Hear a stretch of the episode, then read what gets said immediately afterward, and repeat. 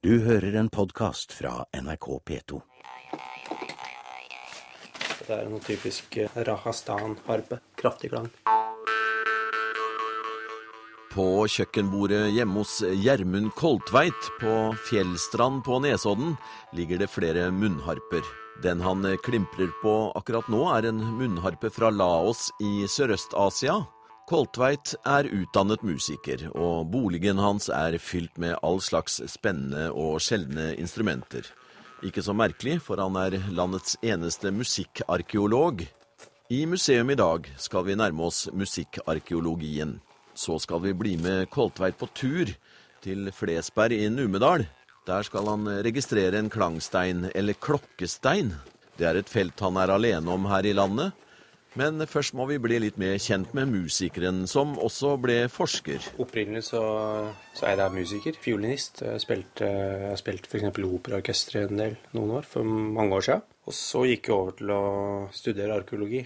Og så kom jeg da inn på at uh, Kom over da tilfeldigvis at, uh, at det går an å kombinere de to tingene, arkeologi og musikk, Ja. i musikkarkeologifeltet. Og så um, fikk jeg tips av Kajsa Lund, som var veilederen min, om at jeg burde gjøre noe med munnharper, for det var et u ganske utforsket område. Så dermed så begynte jeg med det på til hovedfag, som det het den gangen, og se på munnharpefunn fra hele Skandinavia. Så jeg gikk videre med doktorgrad og utvidet til hele Europa. Så jeg har egentlig reist rundt i ganske mange land og, og sett på materialet der, da. Så jeg har ganske god oversikt over munnharpas tidlige historie i, i Europa, da. Hva er musikkarkeologi? Det er jo å utforske den eldste musikkhistorien. For eh, altså, hvis du går etter skriftlige kilder som tradisjonell musikkhistoriker, så kommer du ikke så veldig langt tilbake. I hvert fall ikke her i Nord- Nord-Europa. så hvis vi skal virkelig tilbake i tida, så må du se på arkeologisk materiale. Og da går det an å komme veldig langt tilbake. F.eks.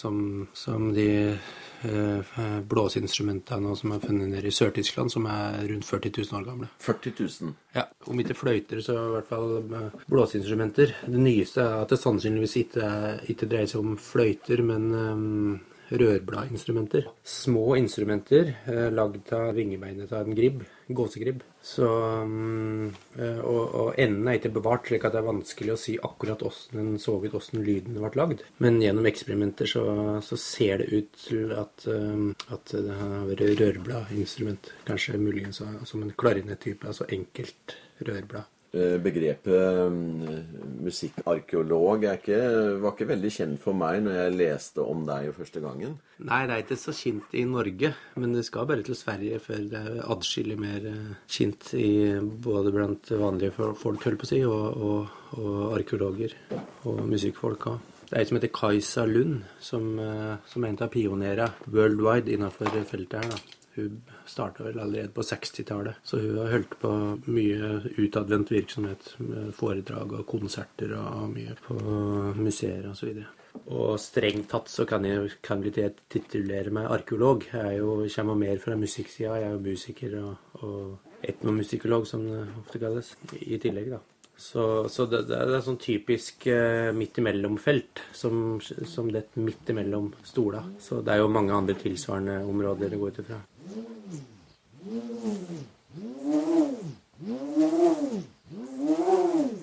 Munnharpa er lagt bort, og nå svinger musikkarkeolog Gjermund Koltveit på en fiskesluklignende skive som henger i en nylonsnor. En brummer, eller hurre som det heter på norsk. Et flere tusen år gammelt instrument, og som hører til det musikkarkeologiske materialet. Men nå skal vi forlate Nesodden, på tur til Flesberg i Numedal, for å se på det han regner med kan være en klangstein. To representanter for historielaget venter på oss der oppe. Nei, Jeg har jo lydutstyr, så jeg har en ganske bra lydopptaker her. Så har jeg mikrofoner da, som da sitter på hugget, som er litt sånn som ser ut som øretelefoner, ja. men som egentlig er mikrofoner. Så Ja. jeg får veldig gode stereoopptak med. Så da slipper jeg å bruke hendene til å håndtere en ekstern mikrofon. Og så har jeg et enkelt kamera som lager veldig gode bilder og ikke minst gode videosnutter. Så jeg får lyd og bilde. mange steiner har du i, på lager nå? Nei, det er vel 42 som jeg har i Norge, og jeg er nesten helt sikker på at det er mange flere. Så, mm, så jeg håper at, eh, at det kommer over eh, flere, og at folk kan ta kontakt hvis de, eh, ja, hvis de vet om noen. Så må vi ha noen papirer der det står navnet på lokalbefolkningen. Ja, når du er ute på sånn, så er du avhengig av lokalkunnskapen, selvfølgelig. Ja, og det er veldig, veldig viktig da, å få litt eh, hørt uh, den lokale tradisjoner og den type ting. Det er viktig å få med.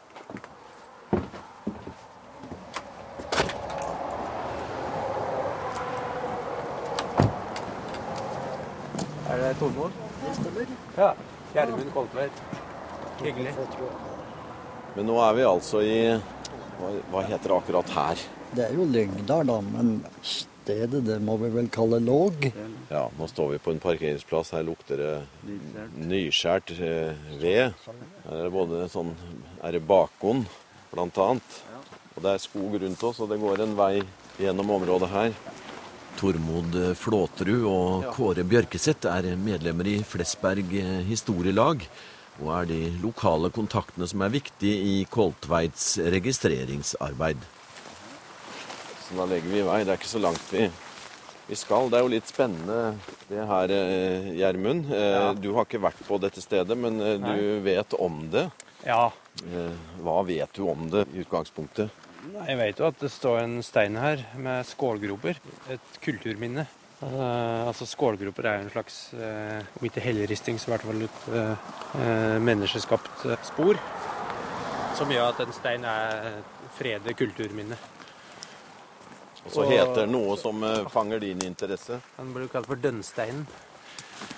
Og dønn er jo fra gammelnorsk og dynje. Og dønne altså betyr å lage lyd. Jeg er veldig spent på lyden i, da. Og høre om det er noe klang i. Eh, Kan vi risikere nå at du eh, dreper hele den biten av saken hvis det ikke er noen eh, klang? Ja, jeg er veldig, veldig spent. Jeg er det. Så, altså lyd er det noe, for det er jo klart det er jo lyd uansett når du slår på en stein. Men eh, spørsmålet er jo hva slags lyd det blir. Nå skal vi over en lita trebru.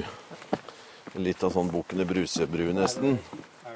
Er dette et område eh, det er andre steiner som du vet om fra før? En, eh, hvis du tenkte på klangsteiner Ja. eller klokkesteiner, så vet ingen andre akkurat her, bortsett fra nede Kongsberg, så skal det visst være en. Du, Ellers er det litt nå, her, ja. nå er vi her. Her er dønnsteinen, ja. ja. Her har vi en benk også, her kan man ta seg kaffepause. Se her, ja. Her har vi skålgropen. Det er ganske markante greier. Det er mange centimeter dype. Sånn som den er jo veldig svak, men nå kjenner den jo. Ja. Det er et godt tegn. Skålgroper sånn som her. Det er det. Eh, uten at en kan si med sikkerhet noe om alder, da. For eh, altså, mange skålgropsteiner er jo fra eh, er antatt å være fra bronsealderen, men eh, det fins òg nyere, nyere steiner med skålgroper. Helt opp til middelalder. Så det er vanskelig å bruke det som sikker datering. Ja. Men etter det jeg har i hvert fall lest i, da, så er jo den her ifølge ifølge den antikvariske myndigheten bronsealder til jernalder. Den her, ja. Ja. Men når du fikk se nå, den dukka jo opp rett brått foran oss. Ja. Eh, er det et bilde du på en måte kjenner igjen fra alle de andre stedene du har vært? Ja, egentlig. Det er en sånn kanskje gjennomsnittlig størrelse. Noen er mindre, sånn som den som ligger oppe i Lom, som ligger oppe på fjellet der. Den er kanskje, kanskje en, en meter lang og en, kanskje bare en halvmeter brei. Mens den jeg nevnte som er fra Halsenøy, det er en gedigen steinblokk som er mange meter høy. Så det er jo en variasjon i størrelsen. Har dere hatt noe forhold til eh, det med klangstein og det Gjermund her arbeider med og driver og undersøker rundt? Nei, nei, jeg har jo visst om disse skålgroper og steiner sånn, men ikke akkurat dette med lyd. Det, ja, jeg har jo skjønt det pga. navnet, og så hører en vel kanskje at det er litt spesielt. Men det, det har jo òg med størrelsen på steinen å gjøre, og steinslag og sånne ting. Så Ja. hva det er for noe, det Nei, men for, dette, for dere er dette en, eh, dere historielaget her, er, eh, dette er en kjent plass. Det er kjent, ja. Det er det jo. Ja, det eneste jeg ble eh, interessert i, det var jeg guttunge, så da hørte jeg en historie om at det var stått en rise oppå en ås bortpå her. Ja, Og, så, og så gikk det et brurefølge over Haugsjø, en innsjø her borte. Så kasta han Skulle han ta det brurefølget. Og da tok han Derfor så syner det etter hendene Ah, på ja. risen her. Rett og Han tok stein oppå åsen og kastet, men så traff han ikke Haugsjø, båten på Haugsjø. Nei, Så datt han ned her. Det er akkurat. historia jeg har hørt om den. Skjønner. Eh, hvis en tar en moderne parallell, så blir det jo da en bowlingkule med Ja. gripehull i. Uten sammenligning for øvrig. Ja. Eh, er det mye fornminner i området her? Nei, det kan en ikke si. Nei, det er vel litt fra gruver, skjerp og slikt. Ja, sånne ting, men, men ikke virkelig gamle Nei, det er ting. Nei, da må vi lenger unna. Ja, det er jo så gjort i bygda sånn funn fra vikingtid og sånt Ja, noe, men eh, Så det har vært folk her. ja, det har det sjølsagt. Og dere er jo her. Ja. Inntil videre. ja, Nå må det være tida for en kaffekopp, vel? jeg er helt enig i. Vi har reist langt. Museum i dag er sammen med musikkarkeolog Gjermund Koltveit. Nå er vi i Flesberg i Numedal kommune, hvor Koltveit skal se på det som kan være en klangstein. Steinen har flere skålgroper, og her i bygda heter den dønnstein. Det indikerer at steinen kan ha vært brukt til å skape lyd. I syv-åtte år har Koltveit registrert slike steiner rundt om i Sør-Norge. Til sammen et førtitalls steiner. I Sverige er det gjort mange flere registreringer, og musikkarkeologer arbeider med dette feltet på alle kontinenter. Tormod Flåterud og Kåre Bjørkeseth fra Flesberg historielag er Koltveits lokale informanter og veivisere. Og nå er det tid for en liten rast i skogen med gommokake fra Hallingdalen som kona til Kåre har innført til bygda.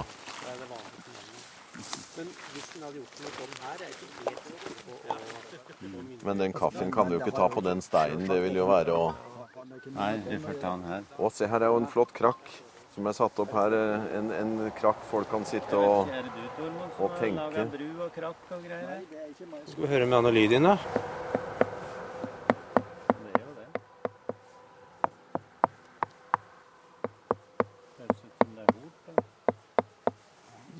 Det er ikke den typiske klukkeklangen, men, men det er akkurat som det er, som det er noe eh, hulrom inni der. Altså. Ja. Det virker sånn. Ja. Særlig på toppen her. Det er en form for klang baki der. Absolutt. Det er noe inni her. Altså en massiv stein, en vanlig holdt på å si norsk gråstein, uansett bergart, er jo mye dauere. Det er noe her, altså. Det er det. Du, Hvor stor skal vi forklare steinen? Er det en kubikkmeter? Snau kubikkmeter.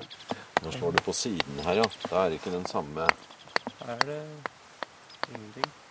Men altså Noen av klansteinene um, har jo lyd pga. bergarten. F.eks. en, en stein som heter fonolitt. Og da er jo Fono betyr jo lyd. Ja. Så det, da er jo bergarten fått navn ut ifra fra klangen. Og noen av de steinene på Sør-Vestlandet er visst fonolitt. Så dette her er nok ikke det. Så her vil jeg si at en verken kan forklare ut ifra bergarten eller ut ifra beliggenheten. Så det må være noe annet. I utgangspunktet er det greit nok at den har en klang. Eh, og jeg er komfortabel med at det er forskjellige fysiske grunner til at steiner har klang. At noen steiner klinger bedre enn andre. For det mest interessante for meg er jo det kulturhistoriske. At, at noen har, har vært opptatt av lyden. Og i det tilfellet her, dette her, her ser vi som sagt skålgroper. Det er ganske mange.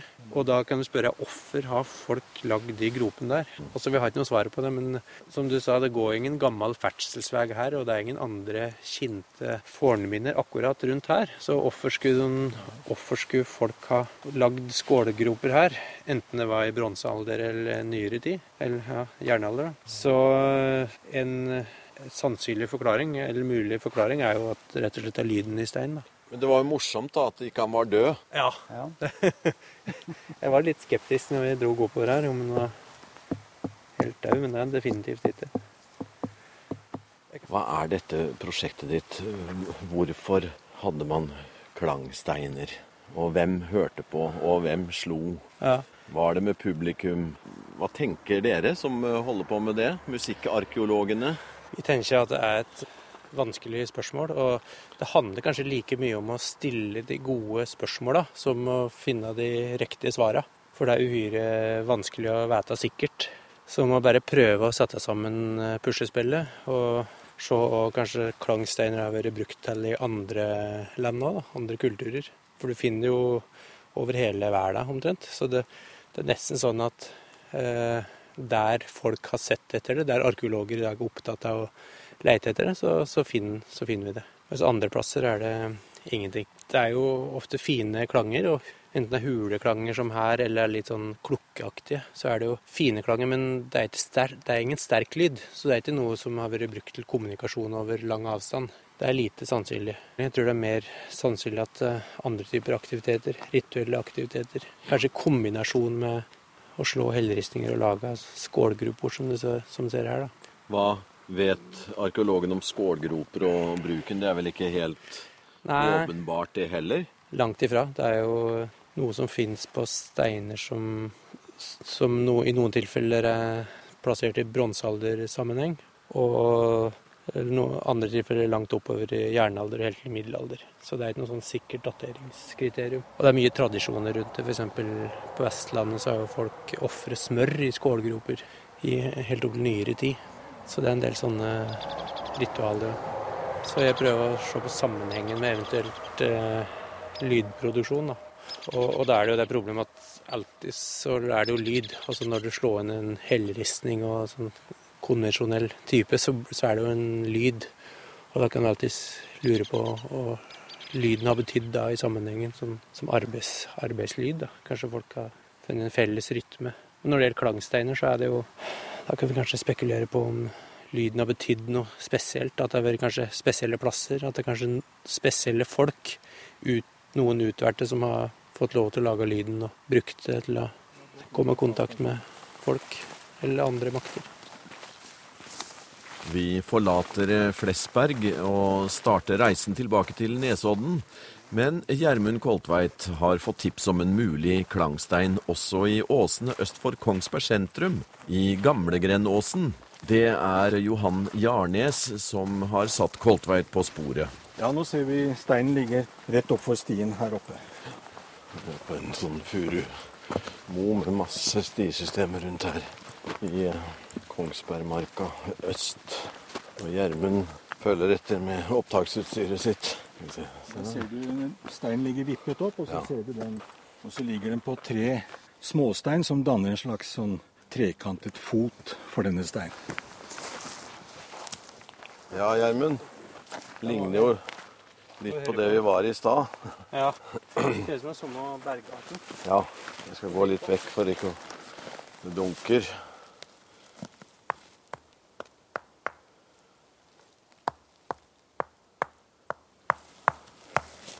Høres ut som det er litt sånn at det rett og slett er at den der oppbygninga gir en effekt, altså. Ja, det virker sånn. Ja. For det er ingenting i sjølve steinen. Det er ingen sånn typisk klokkelyd her. Ja, det er den som jeg ser på som syngestein. Det er den jeg kaller en syngestein. Det er kvartsitten. Okay.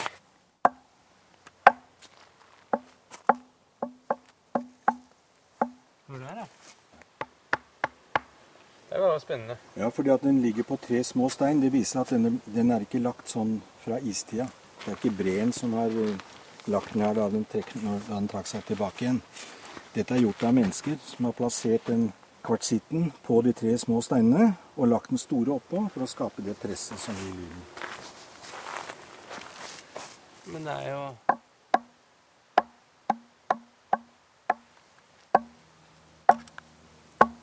Men at det er stein under som er den steinen som er, har lyden, det er jo helt eh, Det har jeg aldri hørt.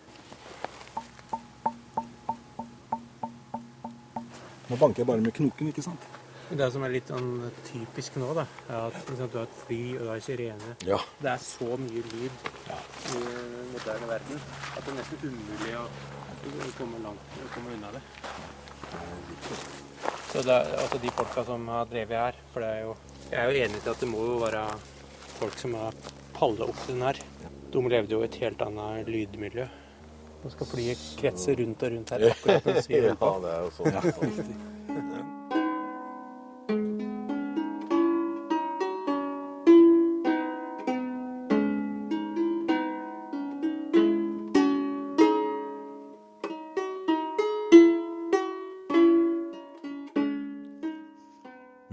tilbake på Fjellstrand vest på Nesoddlandet og kan nesten se opp til Numedal i det blå, føler vi. Musikkarkeolog og nå utøvende musiker Gjermund Koltveit improviserer på en lyre kopiert fra utsmykningen på portalen til Hyllestad stavkirke i Setesdal.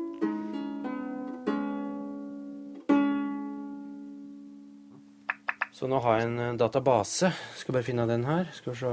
Der jeg har da ganske mange, oppe oppi noen og 40 allerede, steiner. Det er bare Norge du reiser i da, eller? Ja, men jeg har, har et felles prosjekt med mm, kollegaen min Kajsa Lund i Sverige. Hun har jo holdt på i mange år. Så til sammen så mm, det er ganske mange. Så vi ser på Norge og Sverige felles. Men det ser jo da ut til at det er flere med skålgropsteiner og, og som, som, står i en eh, forhistorisk sammenheng da, blant de svenske enn, enn de norske. Så det vanlige blant den, i, det norske materialet er at det er steiner som det fins eh, tradisjoner rundt, og historier, og som folk forteller at de har spilt på når de var unge, osv. Så, videre. så noen av steinene er jo da åpenbart gamle men ikke mange. Og her er det Smådalen i Lom i, i Ottadalen. Ja.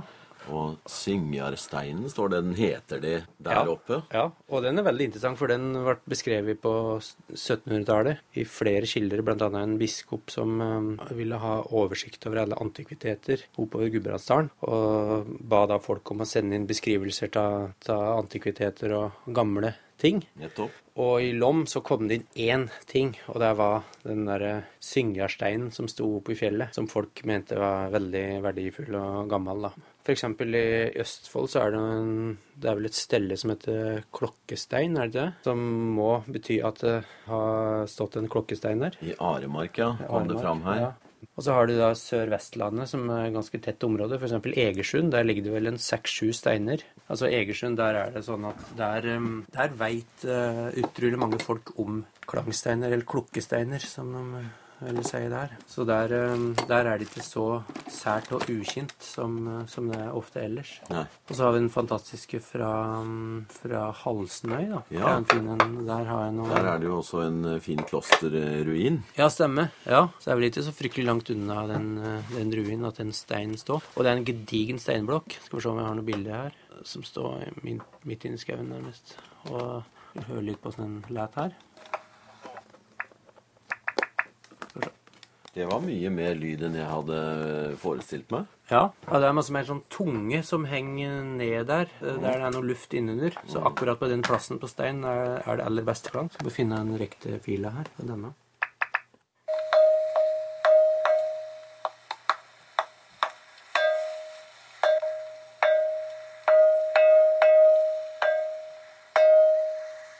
Så det er litt sånn spektakulært, nærmest. Men der, altså.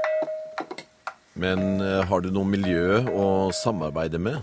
Ja, det skjer mye. Jeg har jo kolleger i utlandet Så nå kommer f.eks. rett fra en konferanse i Berlin, der eh, verdens musikkarkeologer møttes. Nå skal jeg til Polen om noen uker. Da handler det om klagensteiner. For det er jo Det virker som at de er i ferd med å oppdage at det fins eh, klingende steiner da, i andre land nå. Og nå er det Polen som på en måte har, skal ha bestemt seg for å se på det fenomenet. Så da har de invitert meg og folk fra Sverige og Finland og andre plasser i Europa til å Så vi skal settes i stevne der og, og snakke om eh, steiner og forhåpentligvis inspirere polske kolleger.